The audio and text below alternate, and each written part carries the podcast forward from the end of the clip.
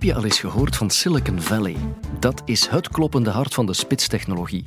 Apple, Facebook, Google, ze zitten er allemaal. Maar waar zou dat kloppende hart zo'n 500 jaar geleden gelegen hebben? Zou dat zomaar eventjes in ons Belgelandje kunnen zijn? Was Leuven het Silicon Valley van de 16e eeuw? Kunsthistoricus Koenraad van Kleinpoel katapulteert ons terug in de tijd. Dit is de Universiteit van Vlaanderen.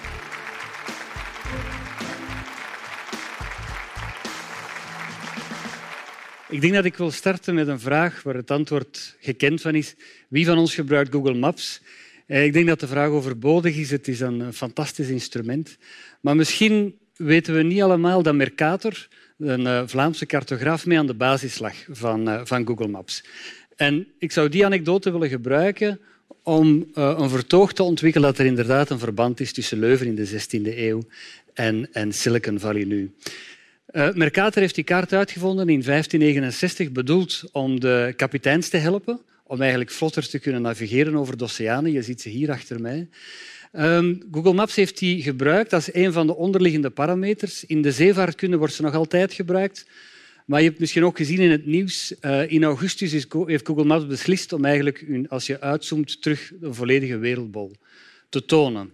Ik gebruik het gewoon als inleiding, als anekdote, om eerst iets te vertellen over Silicon Valley. Silicon Valley is de plaats eh, ten zuiden van San Francisco, waar sinds ongeveer 1950 heel veel kennis en kunde samenkomt en er een soort van transformator gebeurd is. En ik zou dat beeld van Silicon Valley nu willen gebruiken. Ik kan ons helpen om de verbeelding te prikkelen om nadien beter die 16e eeuw in Leuven te, te begrijpen. Goed, ik denk dat de basis is van het argument dat ik wil ontwikkelen dat er drie uh, elementen zijn, drie condities die je misschien nodig hebt om zo'n plek van innovatie, een epicentrum van innovatie te krijgen. De eerste daarvoor is een, een zekere kritische massa, een zekere hoeveelheid van intelligente, creatieve mensen die samenkomen, die aangetrokken worden door ideeën, die ook de vrijheid hebben om die ideeën te ontwikkelen. Een tweede element, wat heel belangrijk zal zijn in mijn vertoog, is uh, materiaal. En het kunnen manipuleren en op een heel verfijnde manier uh, materiaal bewerken. En misschien hebben we dat soms in onze curricula wat verloren en zijn we heel veel bezig met, met het denken.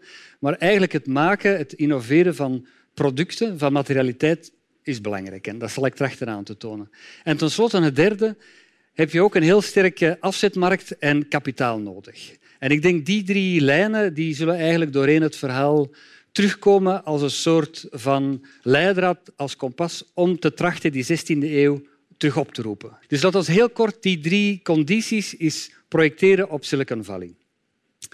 En uh, je krijgt daar rond 1971 een aantal mensen die samenkomen en die op een nieuwe manier beginnen nadenken uh, vooral vanuit Stanford University en Berkeley. Dat waren eigenlijk de plekken waar heel veel knappe koppen bijeen zaten. Een aantal van hen vindt toch niet eigenlijk uh, wat ze willen doen op die plaatsen. En ze beginnen zich te verzamelen in, uh, in huizen, in garages. En ze vinden nieuw materiaal, silicon, om semigeleiders te maken, om op die manier nieuwe kleine microprocessors en geheugenkaarten te maken. Dus je hebt eigenlijk al twee condities die vervuld zijn. En het laatste is de, het kapitaal en de afzetmarkt ook heel snel beginnen bankiers en mensen met een economische achtergrond te voelen dat daar toch wel veel potentieel zit en heel het verhaal van venture capital uh, ontstaat. En zo krijg je eigenlijk die drie condities. En ik zou ook die drie nu op Leuven willen projecteren, maar misschien ook nog kort zeggen dat het hebben van steden is dat je doorheen de geschiedenis van die plekken krijgt, van die steden waar heel veel mensen samenkomen. Ik denk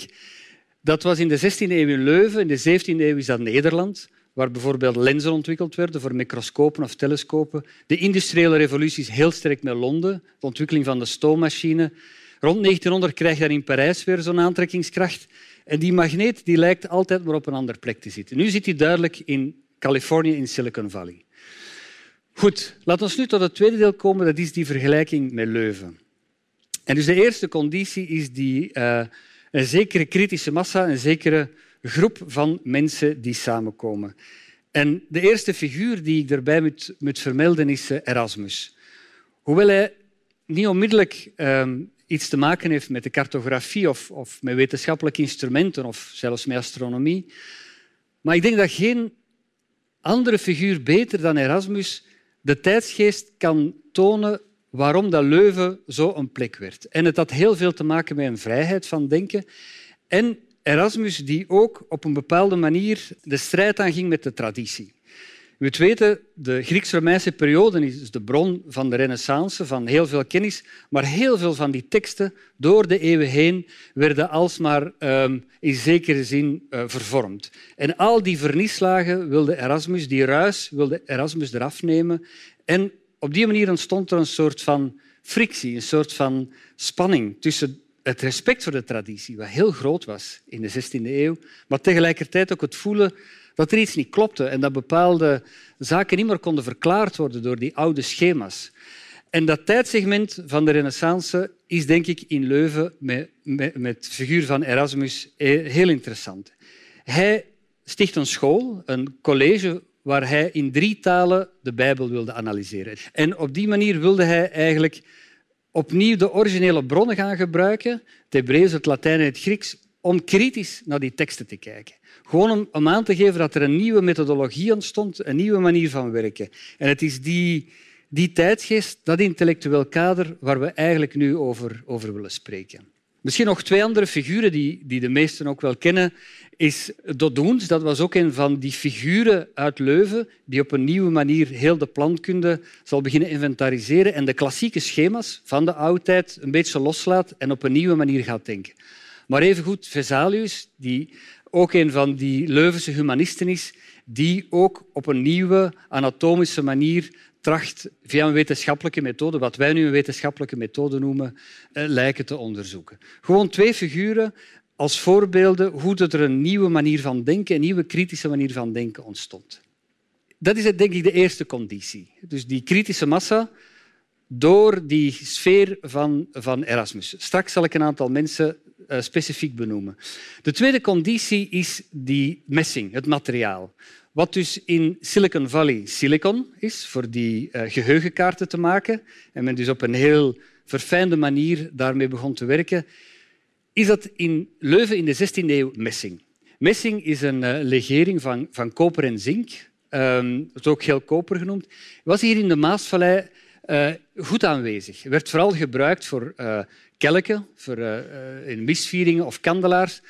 Men begon in Leuven ook te begrijpen dat men dat materiaal heel plat kon maken, groot kon openrollen en heel fijn op te graveren, waardoor dat de schalen veel nauwkeuriger worden. En dat lijkt misschien wat vreemd of wat banaal, maar doordat die schalen nauwkeuriger werden, kon men veel nauwkeurigere observaties doen. En bijvoorbeeld de eerste theorieën van Copernicus, de astronoom die wetenschappelijk aantoonde dat in plaats van de, de, de aarde de zon eigenlijk stabiel was. Die theorieën begon men in Leuven ook te onderzoeken en via die instrumenten kon men dat empirisch vaststellen. Dus materiaalbeheersing was heel belangrijk. En je hebt middeleeuwse instrumenten, je ziet het van 1420 aan de ene kant en dan een Leuvens instrument aan de andere kant. Ze worden dubbel zo groot. En wat je hier ziet is een onderdeel van een astrolabium. En ik, ga, ik beloof helemaal niet te technisch worden, maar ze zijn heel mooi. Het is een instrument dat um, in de Grieks-Romeinse periode bestond. Er zijn er geen bewaard, maar we kennen wel de wiskundige uh, projectie die de, aan de basis daarvan ligt. De eerste instrumenten zijn Arabisch van de 9e, 10e eeuw en dan stilaan komen ze zo in, in het Westen terecht. Maar gewoon een foto om te tonen hoe dat daar in Leuven, net zoals Silicon Valley, een sprong wordt gemaakt en plots eigenlijk die instrumenten uh, een hoogvlucht nemen. Uh, heel kort zo'n astrolabium, want ik ga straks iets meer over een globe vertellen, maar het spreekt wel tot de verbeelding. Je ziet het hier, het is een instrument dat eigenlijk in twee dimensies heel de kosmos samenbrengt. En het is alsof je heel het universum in je handen houdt. Het is gebaseerd op een projectie en je kan er observaties mee doen van hemellichamen en daardoor een aantal bewerkingen van uh, de sterrenkunde vereenvoudigen. Het beeld dat je hier ziet is een, is een heel korte animatie waarbij dat je een uh, ziet die de hoogte neemt van een, een hemellichaam, in dit geval een ster, boven de horizon. Je ziet het instrument draaien en dat evoceert eigenlijk de beweging van die ster boven de breedtegraden. De cirkel in het midden die je ziet, is de beweging van de zon, de schijnbare beweging van de zon, omdat men er nog altijd van uitging dat de zon eigenlijk een, een bewegend hemellichaam was. Heel, heel kort iets over dat astrolabium. Um, Mijn interesse was heel sterk gewekt door de schoonheid van de instrumenten, de, het raffinement um, en ook eigenlijk de kennis die erin zit. Uh, op het volgende beeld zie je een schilderij dat toont dat de tekenkunst de moeder is van alle wetenschap. Die, die, die, die, man met die baard stelt de tekenkunst voor en de schilderkunst slaapt in zijn schoot. En op de tafel zie je allerlei instrumenten, waaronder ook een astrolabium, een hemelglobe en andere instrumenten die dienden om die projecties um, te maken. Nu, laten we terug naar Leuven keren. Voor die astronomie zijn er twee figuren heel belangrijk. Dat is Gemma Frisius. Hij was een, uh, een arts hij was de lijfarts van Karel V en was hoogleraar geneeskunde aan, eh, aan de Universiteit Leuven. En vanuit de studie van de geneeskunde kwam eigenlijk tot de sterrenkunde, omdat eh, een heel belangrijk deel van het begrijpen van uh, ziektebeelden was het bestuderen van de hemellichamen, omdat ze, men dacht, een grote invloed hadden op de mens. Nog altijd, denk ik, met de maan uh, is dat heel duidelijk, maar men had ook dat idee van andere sterren en planeten. Dit beeld alleen om te laten zien, hij was vooral bekend als arts, publiceerde heel veel boeken, je ziet ze achter hem staan, maar toch laat hij zich portretteren als een ambachtsman, als iemand die instrumenten maakt. Dus onze opdeling die we soms maken alsof intellectuele arbeid hoger staat op de ladder dan handarbeid, is eigenlijk een heel late constructie. En in de Renaissance was dat allerminst zo. En het feit dat hij zich hier laat portretteren als een ambachtsman met die instrumenten toont dat ook aan. Maar die figuur van Frisius is vooral interessant omdat door hem Mercator naar Leuven komt. En hij is eigenlijk degene nog meer dan die Frisius die dat beeld van uh, hand en geest samenbrengt. Op een fantastische, intuïtieve manier was hij in staat om vrij complexe astronomische en wiskundige problemen heel sterk te vereenvoudigen. En hij maakte ook zijn eigen instrumenten. En je ziet er hier een aantal van. En het zijn eh, twee astrolabia en een hemelglobe die ook gebruikt werden in de, in de zeevaartkunde. En het is met, met dit beeld dat ik ook uh, die Leuvense school wil afsluiten, omdat dit beeld ook de afzetmarkt toont. Dus straks spraken we over die venture-kapitalisten met hun Tesla's in Californië. Hier zie je uh, een beeld van een instrument dat voor Karel V gemaakt werd. En de hofhouding van Karel V in Brussel, de aristocratie, was eigenlijk de motor van die Leuvense school. Maar goed, om stilaan af te ronden, wil ik eigenlijk eindigen waar ik begonnen ben, met die, met die Mercator-projectie. Um, omdat ik denk die Mercator-projectie, als je iets moet aanhalen wat die Leuvense school zo interessant maakt, is het net dat. Omdat die heeft heel veel impact gehad, heel veel invloed. En toch heeft het geduurd, 70 jaar na het overlijden van Mercator, voor een wiskundige de principes begon uit te leggen. Dus we weten niet hoe Mercator die projectie gemaakt heeft. Hij heeft dus geen formules nagelaten.